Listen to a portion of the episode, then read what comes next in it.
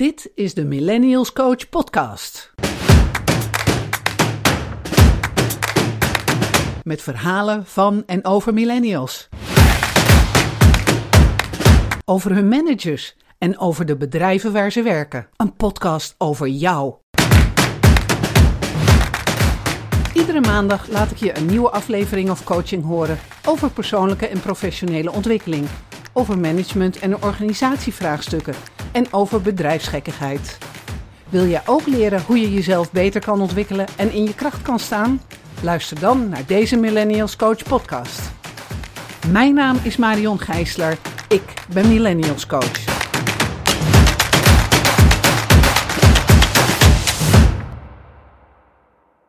Ik spreek vandaag met Chiara de Roon. En Chiara is 26. Welkom Chiara. Dankjewel. En Chiara is 26 en dus millennial. En ik ga het vandaag hebben met Chiara over eh, zij als millennial op de werkvloer en hoe zij dat beleeft. En uh, we gaan eens kijken waar we terechtkomen. Ja, ik heb er zin in. Goed zo. Ik ook. Mm um, jij bent begonnen op de Hogeschool uh, van Leiden. Daar heb je een bachelor psychologie gedaan. En toen ben jij ontzettend leuk, tenminste dat denk ik, ontzettend leuk naar Zweden geweest. Om ja. daar een master te doen.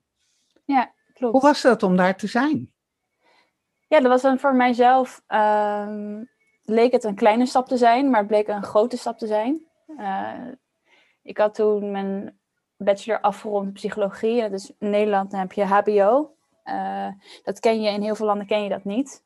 Uh, waaronder in Zweden ken je dat ook niet. Dus ik ging mee, gelijk door naar een WO, naar masterniveau. Dus het was in het begin al heel erg wennen. Um, je kreeg heel veel theoretische vakken, uh, maar ook wel weer praktijk. Dus het was wel een combinatie van. Dat maakte het voor mij wel wat makkelijker. Maar de tijd die ik daar gehad heb, vond ik, ja, vond ik geweldig. Omdat je in een land bent die, waar je een bepaald beeld van hebt voordat je daarheen gaat. Uh, en als je daar bent, dan beleef je dat ook echt. En het is natuurlijk altijd zijn voor- en zijn nadelen. En voor mij, de voordelen waren met name dat de mensen op het eerste oog heel ja, individualistisch, individualistisch zijn en lijken. Maar op het moment dat je echt er doorheen komt, staan ze heel erg voor je open. Uh, en het land is prachtig. Er is heel veel natuur, dus ik ging heel veel hardlopen. En dat was ook wel een beetje mijn uitlaatput. Uh, dus als ik dan weer gestudeerd had of in de tijd dat ik aan mijn scriptie bezig was, ging ik heel veel hardlopen en sporten buiten. Uh, en vooral in de tijd dat het dan wat warmer was, want in Zweden is het heel koud. Uh, ja, en de nadelen waren met name dat je gewoon de stad op een andere manier leert kennen dan dat je normaal zou doen. Want je bent zoveel aan het studeren, dus ik zat vooral erg binnen. En in de tijd dat het echt koud was, was het nog wel een beetje een ja, grimmige periode waar je in je kamer zat. Dus uh, ja, maar over het algemeen heb ik daar wel een hele mooie tijd beleefd. Wat fijn. Zijn. Ja, ja dat, het lijkt me ook fantastisch om zo'n master in, uh, in een buitenland te kunnen doen. En dat je het ja. daar dan naar je zin hebt. Ja. En daarna heb je, heb je daarna daar ook stages gedaan, zoals dat hier gebruikelijk is? Nee, in die periode heb ik geen stages gedaan. Het was met name uh, had je business cases die je dan ging doen samen met groepjes waarin je samenwerkte, maar geen stages. Oké, okay. maar je hebt wel stages gedaan toen je blijkbaar weer terug was. Ja. Een human research stage heb je gedaan en je hebt een stage bij de KLM gedaan. Ja, ja dat waren stages die ik tijdens mijn uh, bachelor heb gedaan. En toen ik terugkwam uit Zweden heb ik, uh, ja, ik noem dat op dat moment een traineeship bij Leaseplan. Via via kwam ik daar terecht. En toen kon ik samen met een consultant aan de engagement gaan werken op een afdeling. Uh, dus dat heb ik na mijn, mijn studie in Zweden inderdaad gedaan. Oké. Okay. En je bent ook nog zes maanden weg geweest? Ja. Ja. ja. Toen ja, kon het nog? Toen kon het nog. Het is heel anders dan nu. Alhoewel ik een paar maanden geleden toch nog naar Kenia ben geweest, omdat mijn vriend daar uh, zit. Maar uh, afgezien daarvan uh, heb ik in die tijd echt wel rond kunnen maken. En heb ik daar een hele mooie reis heb ik, heb ik beleefd in, als eerste in Suriname, waar mijn familie vandaan komt. En daarna ben ik naar Amerika gegaan. En heb ik daar vier maanden heb ik daar rondgereisd. In een autootje, de kust langs. en dat was erg, erg leuk. Ja, Fantastisch, ja. En dan ga je ineens werken bij Leaseplan. En hoe was ja. dat voor je? Een leaseplan aan zich was, voelde niet als werken, omdat ik wist dat dat voor een paar maanden zou zijn. En dat ik daar uh, vooral ja, wat zou gaan leren over het onderwerp wat me heel erg trok. Tijdens mijn, vooral mijn uh, bachelor en mijn master leerde ik dat ik heel erg geïnteresseerd was in uh, ja, hoe je ervoor kon zorgen dat de werkplek zo goed mogelijk is voor je medewerkers. En hoe je je medewerkers op nummer één zet. Um, en dat trok mij zo erg dat ik ja zei tegen een project op toenertijd bij Leaseplan. Om die afdeling daarin te ondersteunen. Om ervoor te zorgen dat de teams, het was een tech-afdeling, dus de teams veel beter konden samenwerken. Ehm, en dat ervaarde ik als heel erg positief. Het was echt denk ik wel de eerste wat meer serieuze organisatie naast KLM dan, waar ik terecht kwam en waar je op een heel ander niveau mee gaat denken en praten over dingen die je eigenlijk tijdens je studie nog niet heel erg goed begreep. Ja. En hoe sloot dat aan bij je studie? Want je hebt een uh, bachelor psychologie gedaan, maar je hebt een master in management gedaan. Klopt, ja. Uh, voor mij, en waar ik heel erg heilig in geloofde op dat moment, nadat ik mijn studie uh, uh, toegepaste psychologie had gedaan, is dat ik met de kennis van mijn studie alleen, ik niet organisaties ging begrijpen of kon begrijpen. Want vanuit een psychologie, ja, psychologisch oogpunt, dan kijk je vooral naar de mens, naar de persoon. En ik vond dat ik daar ja, een, een master voor nodig had om me meer te specialiseren in bedrijven en management en uh, echt de bedrijfsprocessen en wat het allemaal daarbij komt kijken. Uh, en ik wilde graag die combinatie maken. En is dat ook gelukt? Toen je eenmaal aan het werk was, was dat ook zo? Dat je zoals je dat voor had gesteld? Ja en nee. Want mijn eerste baan was bij Proof. Dat was een arbeidscommunicatiebureau. En ik was er heilig van overtuigd, als ik daar ga werken, dan ga ik er heel erg veel van leren en kan ik alles toepassen daarin. Um, en dat komt deels ook wel met de, met de praktijkopdrachten die we deden tijdens mijn uh, master. Uh, alleen het hele, echt het ervaren van de organisatie zelf, dat, dat leer je niet tijdens een master. En dat leerde ik ook niet tijdens mijn bachelor. Wel, wel tijdens de stages natuurlijk, maar op een heel ander, andere manier. Um, dus ik ben er wel van overtuigd dat het echt wel een paar jaar ervaring kost, of tijd kost om wat thuis te worden in een organisatie. Uh, waar ik naar op zoek ben, is hoe sloot het aan bij wat je geleerd had? Kon je dat kwijt? Ja, ik kon. In mijn master kon ik vooral kwijt dat ik als persoon heel erg bezig ben met het, het, potentieel van mensen en het begrijpen van mensen. En wat ik in mijn master kwijt kon, is dat ik ook organisaties ging begrijpen, maar dan ook vanuit een menselijk oogpunt. Wat voor mensen zitten er in een organisatie? Wat hebben die mensen nodig? Ja. Uh, maar hoe staat een manager erin? Uh, wat heeft een manager hierin nodig? En hoe komt dat weer samen? Ja. ja. Oh ja, oké, okay. op die manier. Um, ik, ik weet ook dat jij in een, um, een, een tech hebt gezeten. Een, de, de, mijn vraag aan jou, hè, voordat we begonnen was, heb jij ook, heb jij ook dingen gedaan om je cv echt uh, op te poetsen en te vullen? Ik vind ja. dat echt een wonderlijk ik vind dat een wonderlijk fenomeen. Maar jij zei, ja, dat heb ik gedaan. Kan je daar zo over vertellen? Ja, ik denk dat het in mijn uh, bachelor al begon. Uh, misschien daarvoor al dat ik graag wel wilde werken en ik wilde ervaring opdoen en ik wilde heel graag dingen leren. Um, maar vooral tijdens mijn studies dat ik dacht, nou, is leuk studeren, maar volgens mij ga ik het echt pas leren als ik een stage ga doen. Uh, dus ik wilde dan heel graag een stage doen en als mijn afstudeerstage moest je een project ergens doen. Maar toen wilde ik uh, tegen, tegen beter weten in, wilde ik toch heel graag bij KLM een stage doen en meewerken. En, uh, dus ik merkte dat dat wel, ja, iets is wat ik heel graag, ja, wat ook in me zit. Dat ik heel veel wil leren en meer dingen wil doen en dat ik graag dingen aanpak. En dan, ja, natuurlijk niet altijd met positieve gevolgen, maar uh, daar krijg ik wel heel veel energie van. Dus het is wel voor mij een bewuste keuze geweest om dingen te ondernemen, stages te doen, uh, hier en daar projectjes te doen, maar ook op andere vlakken te ontwikkelen. Ja. En hoe heeft jou dat geholpen om uiteindelijk een leuke baan te vinden? Um, nou, voor mij heeft het geholpen. is precies ook wat je zei, dat je het. Um, toen je mijn cv zag, dat ik veel dingen had gedaan. En dat, dat valt ook op als je gaat solliciteren. Uh, dat je iemand bent die nou, ambitieus is. En zo zie ik mezelf ook wel daar, uh, daarin. Um, en zelfs dat het de baan waar ik nu werk, dat ik in een sollicitatiegesprek ook, ook te horen kreeg van jeetje, je bent nu uh, pas toen 25 en je hebt dit en dit al gedaan en je hebt hier een stage gedaan en je hebt in het buitenland gestudeerd en je hebt nog een roadtrip gedaan en dat valt heel erg op. Uh, en dat is natuurlijk heel leuk om te horen als je er ook zelf plezier in hebt uh, ervaren dat je zulke dingen hebt ondernomen. Dus ja. En wat zou je dan zeggen tegen mensen die niet die neiging hebben? Uh, nou, ik denk dat het geen goed of fout is als je die neiging niet hebt. Kijk, het past bij mij en ik voel me er goed bij om zulke dingen te ondernemen. Maar als je zegt van ja, ik vind het prima om een lange tijd deze baan te vervullen, deze stage een keer te doen, maar dat is ook het enige wat ik wil doen. Ehm, ik zou niet per se aanraden om jezelf te gaan forceren iets te gaan doen als dat niet bij je past. Oké. Want er zijn natuurlijk mensen die helemaal niet. Die... En net wat ik zei, ik vind het echt een, een wonderlijk fenomeen dat, ehm, dat mensen echt als een dolle bezig zijn om allemaal dingen te doen die dan op hun cv komen, in de hoop dat strakjes later eventueel. En ik heb zoiets van, joh, weet je, het is misschien wel leuk, wat maar dat is mijn idee, dus daarom vraag ik het ook aan je. Hè? Ja, dat is mijn idee. Joh, leuk dat je dat allemaal gedaan hebt, maar wie ben jij en wat kan je? En pas jij binnen de organisatie waar ik jou eventueel wil aannemen? Dus ik kijk daar op een hele andere manier tegenaan. Dus ja, ja, dat vind ik het leuk voor jou te horen, dit. Ja. Ja, ja, dat snap ik ook wel. Kijk, het kan natuurlijk ook zijn dat je heel veel ervaring opdoet, maar dat het uiteindelijk niet echt bijdraagt aan, uh, aan de baan waar je werkt, of dat niet de kennis geeft om een baan uit te voeren. Ja. Uh, maar voor mij heeft het wel het andere gedaan. Dus juist nou, wel... Ja, dat, dat hoor ik, dat het voor jou ook andere dingen gedaan heeft. Want ik denk dan ook maar van, het lijkt mij zo zonde dat je als een dolle je cv aan het vullen bent.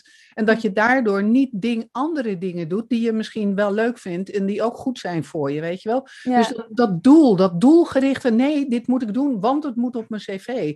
Dat ik denk van, wow. En er zijn ook millennials met burn-outs. Dat is een, een ander wonderlijk fenomeen wat ik niet begrijp. Dat ik denk, mhm. hoe dan? Nou, daar heb ik uh, laatst een podcast over opgenomen. Dus dat, dat, dat idee dat mensen heel erg uh, gedreven hun cv aan het vullen zijn en vervolgens daardoor omvallen. Dat ik denk van, dat is toch de wereld op zijn kop. Ja, ja, dat is wel een bekend fenomeen. Ook, denk wel in mijn vriendengroepen die allemaal zo graag daar een stage willen doen en die graag bij PwC een stage willen doen en maar mooie bedrijven, want het staat allemaal zo goed op mijn cv. Um, en het, het grappige vind ik hier persoonlijk aan, is dat het ook wel uh, door organisaties wordt gezien als je het hebt. Dus het houdt elkaar ook een beetje in stand. Ja. ja. En dat maakt denk ik ook wel dat er zo'n burn-out is, want je moet ergens aan voldoen, want je krijgt in je omgeving te horen dat het maar moet. Uh, dat laatste, hè? Want het babbelt, babbelt zich ook rond. De ene zegt ook tegen de ander, oh ik heb dit er al op staan. En dan denkt er eentje van, wow, dat moet ik dus ook. Ja, die, ik vind die dus niet logisch. Nee. Ja, ja, ja. Maar jij vond het leuk ook vooral. Ja, zeker. Ja, en jij vond het fijn om de ervaring te krijgen en te hebben. Ja, en vooral als ik terugkijk, uh, en dat heb ik best wel vaak dat ik mijn cv even weer kijk, of dan zie ik dat iemand gekeken en denk ik, oh ja, hoe ziet het er ook alweer uit?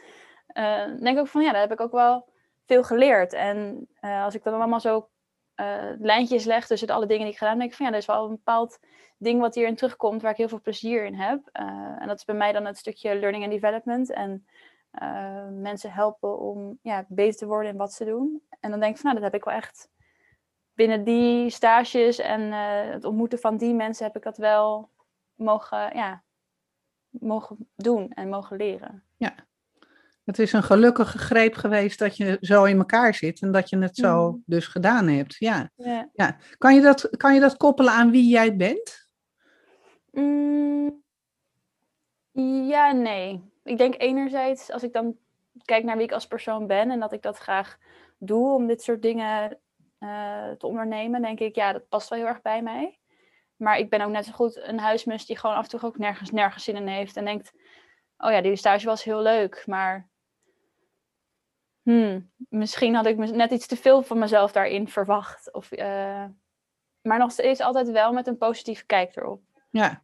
ja, want wat op het moment dat je daar dan achter komt, ik heb een beetje te veel van mezelf gegeven. Waar zit jouw, hoe noem je dat? Dat, eh, dat, dat, dat um... oh, ik had er laatst zo'n mooi woord voor, zo'n reserve, zo'n ventiel wat dan open gaat. Ja, ja, ja, ja, en dat je dan realiseert van, oké, nu is het even over, dat bedoel je. Ja, dat je, dat je jezelf kan herpakken en denken van, nee, nee, even niet, ik moet even opladen, ik moet even niet uh, nog meer doen. Eigenlijk tegen de burn-out, ja. Ja, nou, voor mij, waar ik dat heel erg in voel, is ja, ook een soort van uh, gevoel. En dan weet ik al van, oké, dit wordt een heel lekker chill weekend. Lekker thuis met mezelf uh, genieten. Ehm, en als mensen dan weer iets willen doen, dan zeg ik ook van, nou, kan het volgende week of kan het een ander moment? Want ik merk dat ik gewoon mijn batterijtje een beetje, een beetje opraakt. Ik denk dat het een bepaald gevoel is, uh, wat bij mij ook een beetje een ingebouwde alarm is, die zegt van, oké, het is te veel voor je. Ja.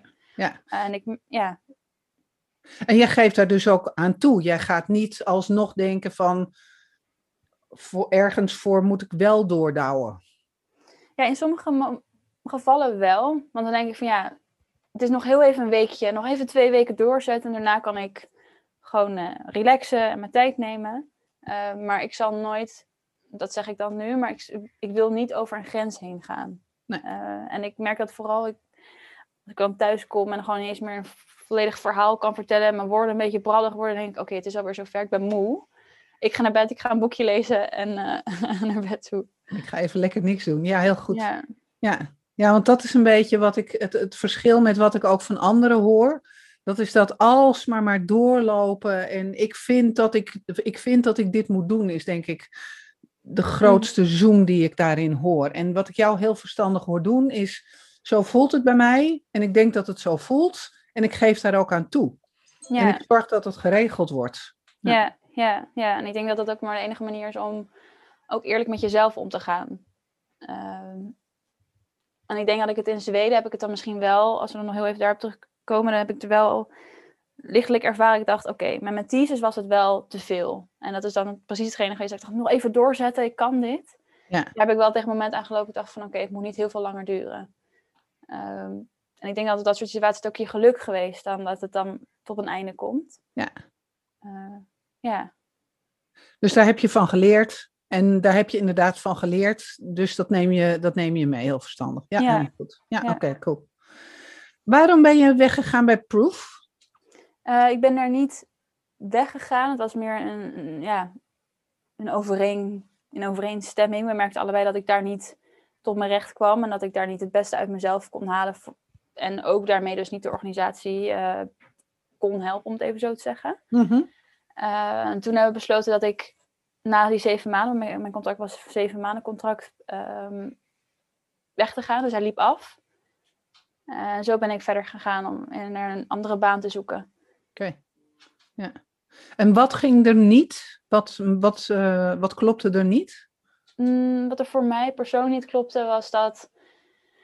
En ik weet niet of dat kloppen is, maar wat ik in ieder geval voelde in de organisatie is dat ik zelf um, en wat meer, ja, ik ben heel erg van de psychologie, dus kleuren en van die testen die ik dan gedaan heb, maar ik ben weer een groen persoon.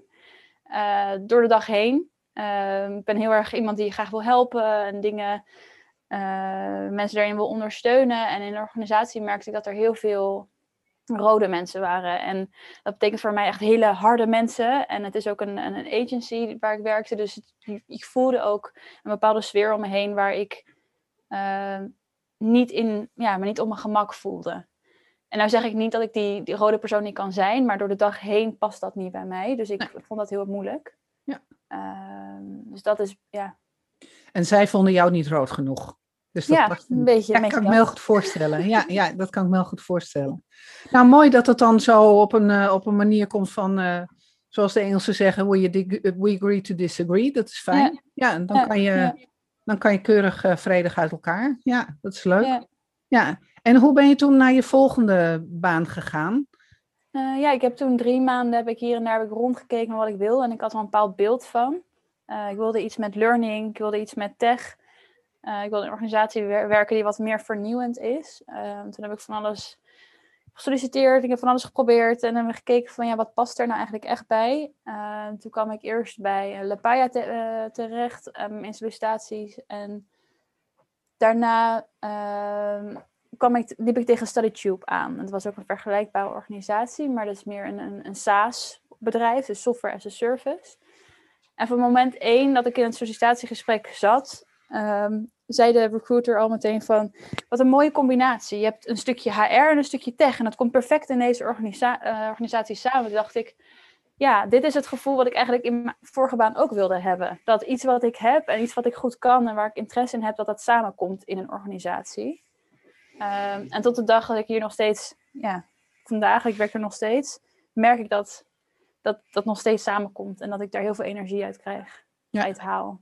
Ja, mooi. Leuk. En wat me ook opvalt is dat jij bent weggegaan bij Proof ehm, zonder dat je al een nieuwe baan had. Klopt. Mensen van mijn generatie zouden dat echt nooit doen. Eerst een andere baan en dan pas ga ik weg. Oh, ik ga het misschien niet halen. Nou, dan ga ik nu al naar een ander. Maar jij ging daar weg en je gaat dan drie maanden zoeken. Kan je daar eens wat over vertellen?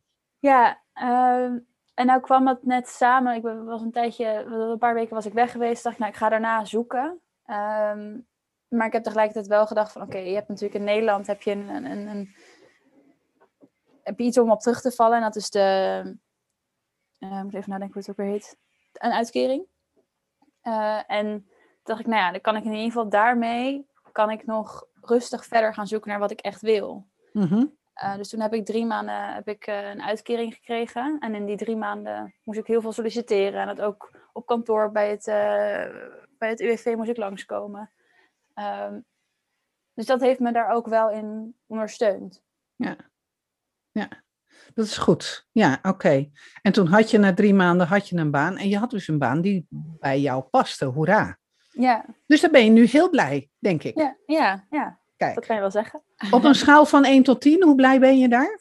Uh, een 8, zou ik wel zeggen. Een 8, oké. Okay. Ja. Wat, wat, miste, wat, miste, wat zijn de twee punten die missen? Wat mis je daar? Mm, ik denk en het hoeft niet over die organisatie te, te gaan, dat kan wel natuurlijk, maar het kan ook algemeen zijn. Ja, nou, daar ben ik heel open in. Wat het voor mij mist is dat, kijk, ik heb gekozen toen bewust voor een scale-up.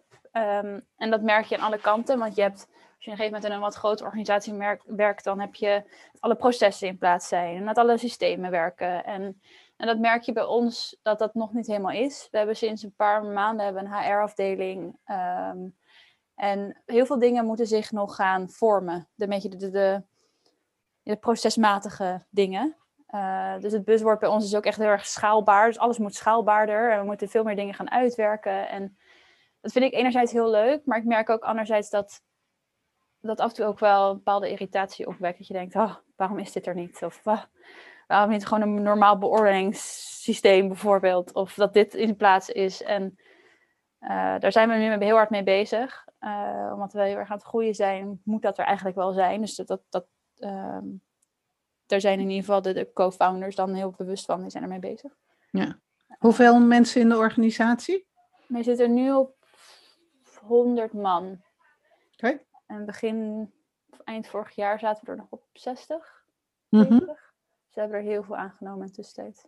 Ja. Wanneer gaat een start-up over naar een scale-up? Dat is een hele dacht, goede vraag. ik dacht dat dat bij hogere aantallen was namelijk. Ja, en volgens mij heeft het ook te maken met um, waar je op een gegeven moment staat als organisatie zijn. Is je model of het business die je levert, is dat wat meer stabiel? Of is het product wat je hebt, verkoopt dat en heb je klanten die dat echt afnemen en heb je daar een standaard inkomsten voor. Uh, volgens mij hangt het daar ook wel mee samen. Ik zou het moeten weten, we hebben een keer een presentatie over gehad, maar uh, volgens mij iets in die, die richting. Hm. Oké. Okay. En jij bent daar gelukkig 8 op een schaal van 10. Dat is hartstikke hoog. Wat, um, jij bent millennial op de, op de werkvloer. En nou ben jij jezelf natuurlijk, maar kan jij eens wat zeggen over jou als millennial op de werkvloer? Mij als millennial op de werkvloer. Um, ik wil heel veel dingen altijd begrijpen, dus ik zal altijd aan iedereen en alles heel veel dingen vragen. Um, ik zat, al even als voorbeeld, ik zat vorige week zat ik ook in een, in een meeting met wat meerdere mensen op, um, ik zou zeggen hoge posities, maar ik bedoel daar meer mee het onderscheid in mensen die wat langer daar zitten. Uh, en dan durf ik ook wel ja, te zeggen wat ik van dingen vind. Uh, en als het ook iets te langzaam duurt, wil ik ook door. Dus dat geef ik dan ook aan. Uh, verder, uh, en dat denk ik meer ook als persoon, uh, wie ik ben als millennial op de werkvloer. Ehm, ik wil dingen voor elkaar krijgen. En daarin kan ik soms misschien een beetje hard en een beetje bot zijn. Ehm, maar zal dan altijd met respect mensen behandelen. ik wil mijn collega's helpen om, als zij bepaalde vraagstukken hebben, hen daarin te ondersteunen. Of ja, de informatie te verschaffen die ze nodig hebben. Uh, en bijvoorbeeld een office manager die veel dingen doet, dan denk ik ook af en toe van, nou, het kan ook geen kwaad om haar even te helpen. Uh, dus ik denk dat dit een beetje in een nutshell is wie ja. ik op de werkvloer ben. Ja, je wilt dingen voor elkaar krijgen. Is dat hetzelfde als wat ik veel hoor, ik wil impact maken? Mm, ik weet niet of het impact is. Ik hou erg van niet lullen, nee, ja. Niet lullen, maar poetsen, weet je. Ik, ben niet, ik kom niet uit Rotterdam, maar als ik iets voor ogen heb, dan wil ik dat het gebeurt. En dan ga ik ook uh, structuur en plannen bedenken om ervoor te zorgen dat het tot uiting komt.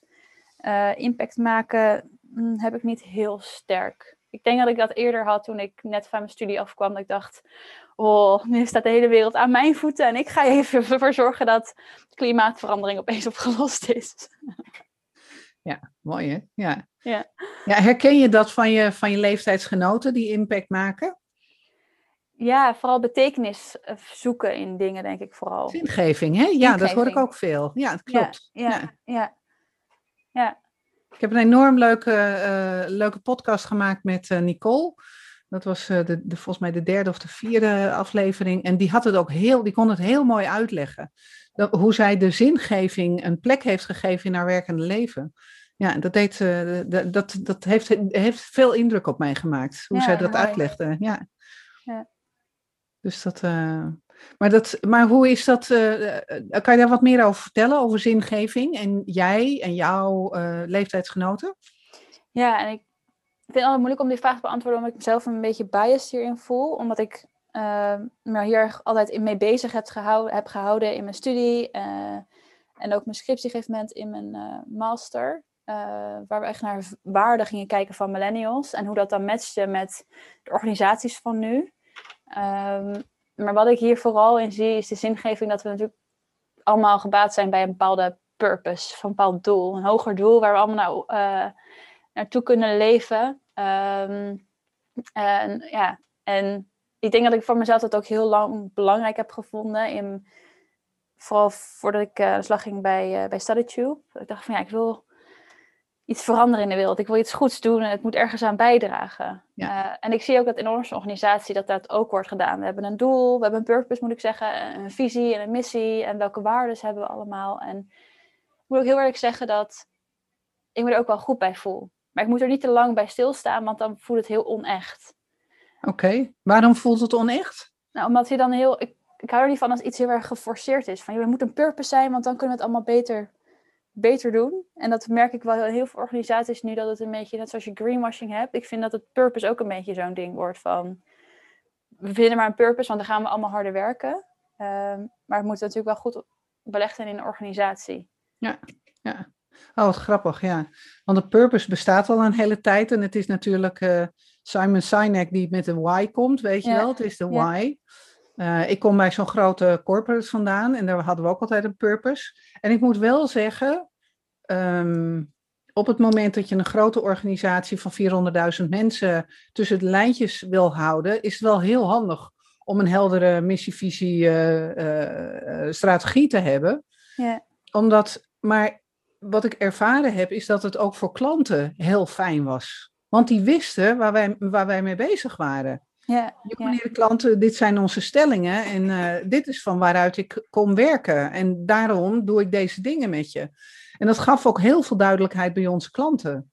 ja. Dus ehm, Ja, ik kan me daar ook wel in vinden. Het, het heeft natuurlijk in die zin ook weer twee kanten. Dat je met z'n allen naar een bepaald doel kan werken. En dat je weet waar iemand staat, ook in de organisatie. En hoe jij als persoon in jouw rol bijdraagt aan dat doel. En dat vind ik heel iets positiefs.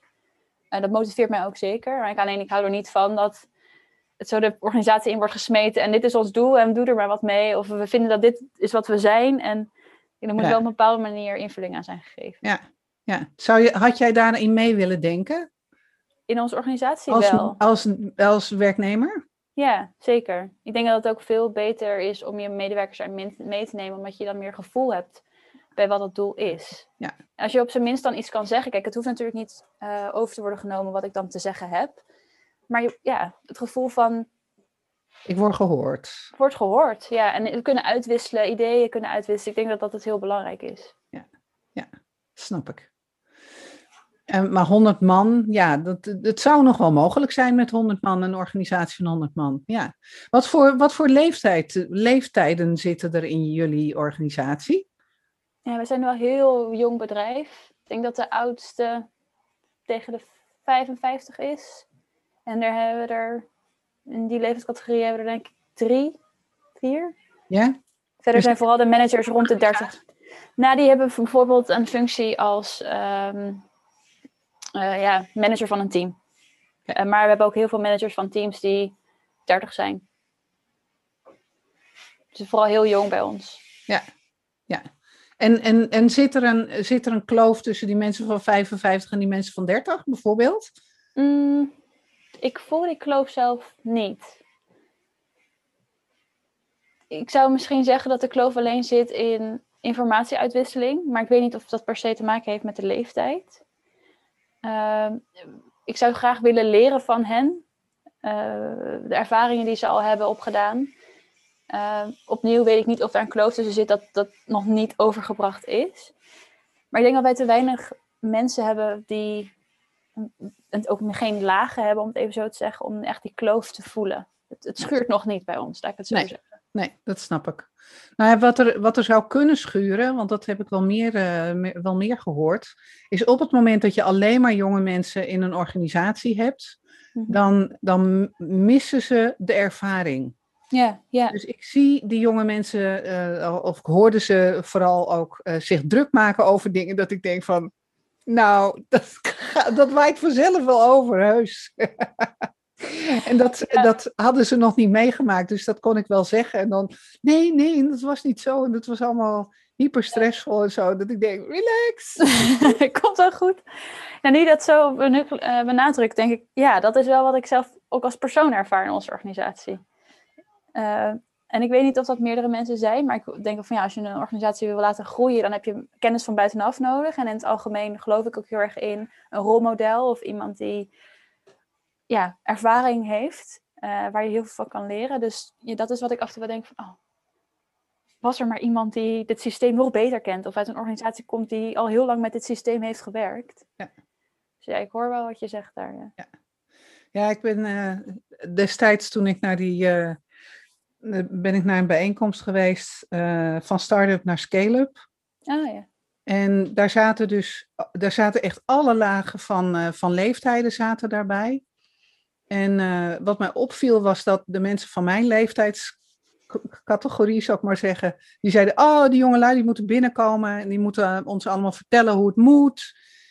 En dan ging je met die jongelui praten en dat waren dan millennials. Jong waren ze, waren echt erg jong. En die zeiden ook van ja, maar wij kunnen dat helemaal nog niet bedenken, want we hebben die, andere woorden gebruikten ze, maar het kwam erop neer van wij hebben die ervaring niet, dus wij kunnen die ideeën niet aanleveren. Wij willen gecoacht worden. Dat was het enige wat ik, wat ik van ze hoorde.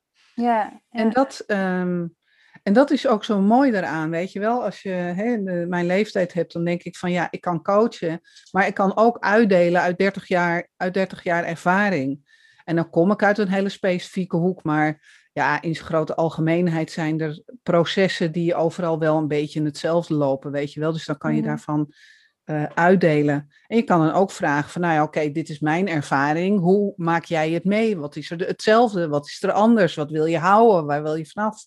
Ja. En, en, ehm, en wat ik merk is dat de, de combinatie van jong en oud, dat werkt het beste.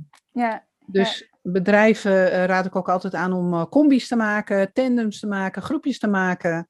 Ja, meng vooral dat iedereen van elkaar kan leren. En dat werkt het allerbeste. En dat Ja. vindt iedereen leuk, me- Ja. valt mij op. Weet je wel, ook die oudere mensen. Die kwamen met die jonkies in aanraking. De, oh, leuk. En eh, oh, dat wist ik helemaal niet. Dat kon ik helemaal niet. Nog nooit van gehoord. Leuk, leuk, leuk. Ja, Ja, ja, dat vind ik ook wel een interessante, dat je mensen op leeftijd ook combineert. Eh, en zo ook weer heel veel dingen uitwisselt. Want je, het kan natuurlijk niet op zichzelf staan. Het is niet alleen een millennial in een organisatie. Je hebt in die zin gewoon diversiteit nodig. Ehm, en of dat dan een leeftijd is of, of andere eh, aspecten. Maar ja, daar geloof ik ook wel eh, in. mooi. Ehm, jij zit nu in een scale-up, zeggen we. vorige, ehm, jouw vorige werkgever, was dat ook een scale-up? Hoe groot was die? Eh, wij werkten met z'n 25. En ik denk dat het, ja, omdat het een agency is, weet ik niet of dat per se werkt met een scale-up en een, een, een start-up. Ehm, Maar agency, bedoel je, was het een onderdeel van een groter geheel? ja, het was een bureau. Net als als je de marketingbureaus hebt, eh, die zijn wel wat groter, maar de TBWA bijvoorbeeld. was het een ander soort vorm daarvan. Maar ehm, ja, we zaten daar met z'n 25. Het bedrijf bestond al wel wat langer. Uh, dus ik zou het geen scale-up noemen, nee. Nee, oké. Okay. was maar een start-up was het ook niet? Nee. Het was gewoon een klein bedrijf? Ja, ja. Oké. En um, hoe was het? Uh, hey, de, de, de, jij was groen en zij waren rood. Mm -hmm. Had jouw millennial zijn of jouw, hey, je had jouw leeftijd, de levensfase waar je in zat, had die nog iets te maken met waarom jullie het niet met elkaar eens konden worden? Mm, misschien wel. En misschien heeft het ook wel te maken met uh, dat ik bewust op zoek ging naar een baan waar ik iets kon doen met de employer branding en de internal branding. En dat vond ik heel mooi, want ik wilde ervoor zorgen dat organisaties beter konden werken. En ik dacht dat ik het op dat soort vlakken wel begreep. Omdat ik een had gedaan en ik had mijn master gedaan en ik had psychologie gestudeerd. Dus ik begreep wel wat meer van mensen en bedrijven. Maar in praktijk is dat natuurlijk heel anders. Want als je dan organisaties zag en wat er dan in deze organisatie ook gedaan werd, uh, heel veel consultancy ook. Dus heel veel uh, werken aan presentaties en goed alles op papier zetten, omdat het aan de organisatie gepresenteerd moest worden. Toen realiseerde ik me van, nee, ik ben eigenlijk nog hartstikke groen en een broekie. ik snap er helemaal, helemaal niks van hoe dat werkt. Ik snap wel bepaalde concepten, maar ja, ik denk dat ik het toen wel onderschat had. En dat de leeftijd die ik toen had, dat dat ook wel meedeed daarin. Hmm. Ja. En heb jij toen de vrijheid genomen om te zeggen van nou, ik begrijp het nog niet, leg het me nog eens uit? Ja, ja zeker. Um, en ik denk dat dat ook in mijn, mijn natuur zit, dat ik dingen wil begrijpen en meer wil leren. Um, dus ik, ja, ik denk dat ik zeker om me heen heb gevraagd of meer uitleg. Uh, Stonden ze daarvoor open? Uh, ja en nee. Ik denk dat het vooral een organisatie is die snel en hard werkt.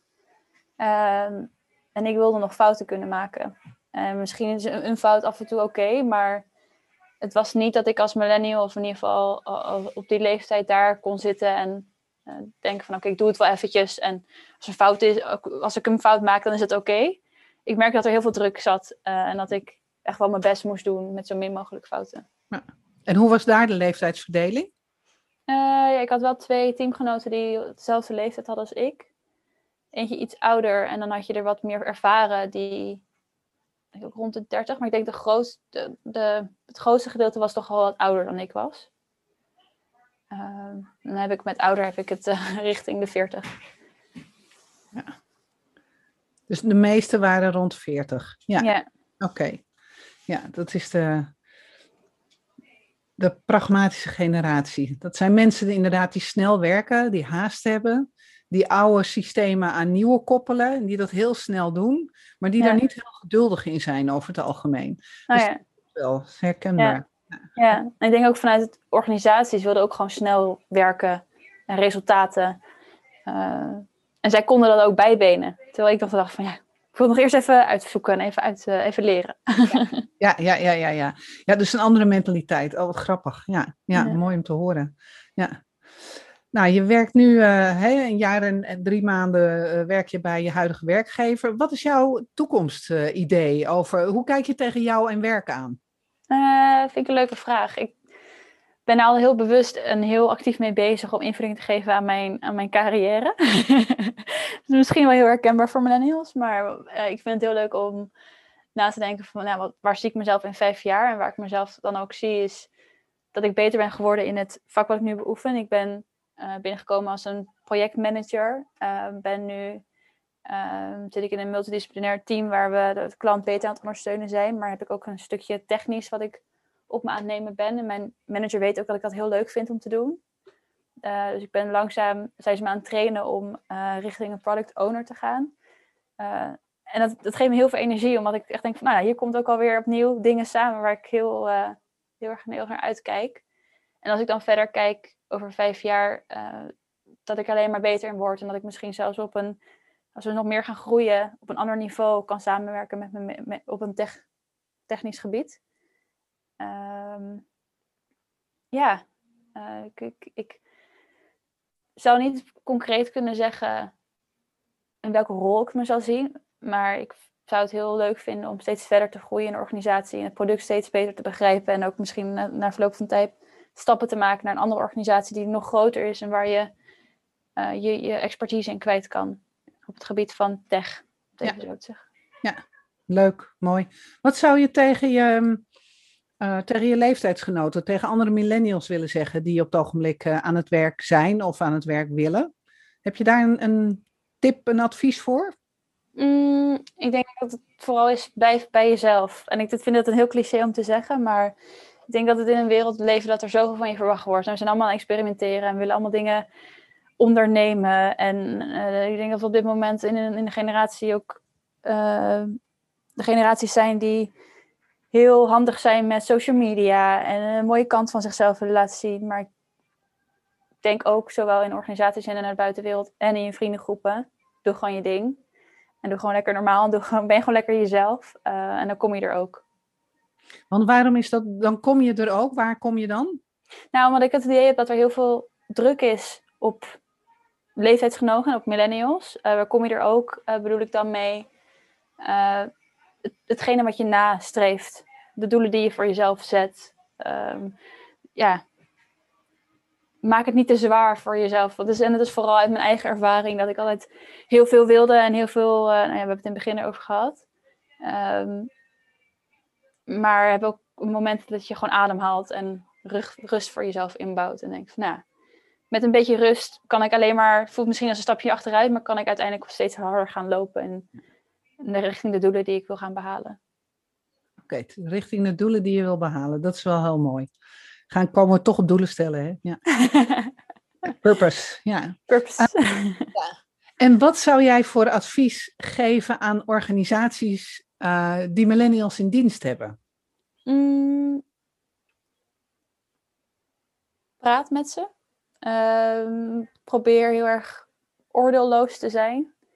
Uh, en geef ze ook een moment om ja, te delen wat zij van, van dingen vinden, zonder dat daar meteen uh, vol ehm, ja, met een gestrekt been in te gaan.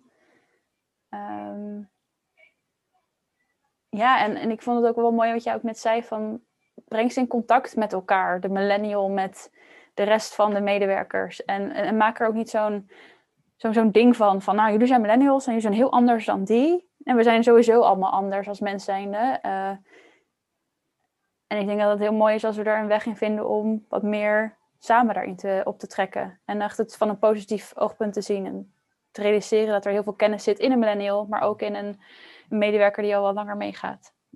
Ja, mooi. Prachtig. Ik ben het zo met jou eens. Nou, nou fijn. maar het is ook, uh, weet je, het is veel leuker om het van een ander te horen. Dan zijn we, ja. gewoon, we zijn het gewoon eens. Ja, enorm. Ja. Hey Chiara, ik, uh, ik wil het gesprek uh, afronden. heb je nog iets wat je wil, kwijt wil? Is er iets wat, er, wat je beslist nog wil zeggen wat ik niet gevraagd heb? Mm, wat ik sowieso kwijt wil, ik het leuk vind dat je dit dat je hiermee bezig bent. Maar ik denk dat het een, een, een veel besproken, maar ook echt een actueel onderwerp is nu. Uh, waar we allemaal heel veel van kunnen leren. Maar ik vind het ook mooi dat je een millennial aan het woord laat, die daar ook iets over kan zeggen. En dat we het ook weer van verschillende kanten kunnen bekijken. Ja, ik, uh, ik wil vooral millennials aan het woord laten, want ik weet wel wat ik weet. Maar uh, ik ben ook vooral op zoek naar de, naar de andere kant. Dus er zullen er beslist nog meer komen. Leuk. ja. ik wil je enorm bedanken voor je tijd. Ik vond het echt heel erg leuk. En nou, ik ja, weet dat we elkaar binnenkort weer zullen zien. Zeker, zeker. hey, dankjewel hè. Ja, tuurlijk. Tot ziens. Ja, bedankt. Tot ziens. Mijn naam is Marion Gijsler. Ik ben Millennials Coach. Ik help millennials te stralen bij de bedrijven waar ze werken. En ik help de bedrijven om de millennials die ze in dienst hebben of willen hebben te boeien en te binden en optimaal de ruimte te geven als volgende generatie in de organisatie. Ik nodig je uit om daar een goed gesprek met mij over te hebben. Ga naar millennialscoach.nl en neem contact met me op. Tot snel.